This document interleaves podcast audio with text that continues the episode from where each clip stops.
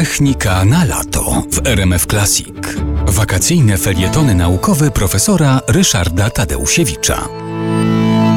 Opowiadałem o tym, jak się rozpoczęło lotnictwo pasażerskie, natomiast przez bardzo długi okres czasu e, linie pasażerskie były strasznie drogie. Bardzo nielicznych było na to stać. E, w liniach Pan American, tych, które zresztą przełamały tą pasę bardzo drogich samolotów, e, przelot początkowo z Nowego Jorku do Londynu kosztował ówczesnych 600 dolarów. To na obecne czasy to są 3200 dolarów. Właściwie przed wojną, przed II wojną światową latanie pasażerskie było luksusem dostępnym dla bardzo niewielu. Potem była wojna, wojna się skończyła, a dyrektorem Panam, czyli właśnie tego, tych linii Pan American, został Juan Triple. Był y, zwolennikiem tego, żeby latanie było tanie. Pan American pod rządami Juana Triple w 1948 roku wprowadził tak zwaną klasę turystyczną. Jak to? Tanie bilety lotnicze? Okazało się, że y, te bilety na gęsto upakowanych pasażerów y, klasy turystycznej turystycznej były dwa razy tańsze niż bilety e, tych pasażerów, którzy wygodnie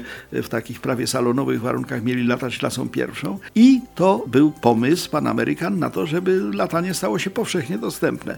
Zrobiła się dzika awantura, ponieważ wszystkie, absolutnie wszystkie inne linie lotnicze zjednoczone w takim międzynarodowym zrzeszeniu przewoźników powietrznych, ono istnieje do tej pory, IATA, e, taka, taka liga, okazało się, że oni no, zaprotestowali. Powiedzieli, że w żadnym wypadku nie wolno dawać tanich biletów lotniczych, bo to im tam biznes psuje i w ogóle. Wytoczono proces. Ten proces zupełnie niespodziewanie w 1952 roku, kilka lat to trwało, y, Tripe wygrał. Te samoloty, które były, nie nadawały się do przewożenia dużej ilości tanich pasażerów. Na początku próbowano wykorzystać y, tak zwane superfortece.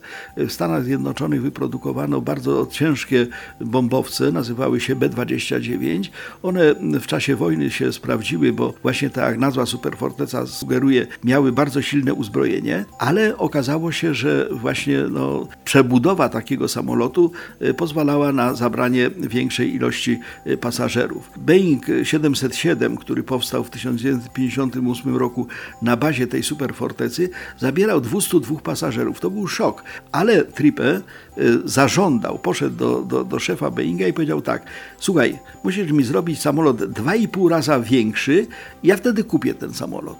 I rzeczywiście w ten sposób stworzono w 1970 roku Boeinga 747. To jest samolot, który no właściwie zrewolucjonizował lotnictwo cywilne. Zabierał je za jednym razem 660 pasażerów, ale niestety przedobrzyli. Mianowicie y, Trippe tak się rozentuzjazmował, że ma te ogromne samoloty na, na blisko 700 pasażerów, że od razu zakupił 72 te samoloty B747, ale trafił na światowy kryzys naftowy w 1991 roku i zbankrutował. Ale my do tej pory latamy właśnie według zasad, które narzucił światu Pan Amerykan.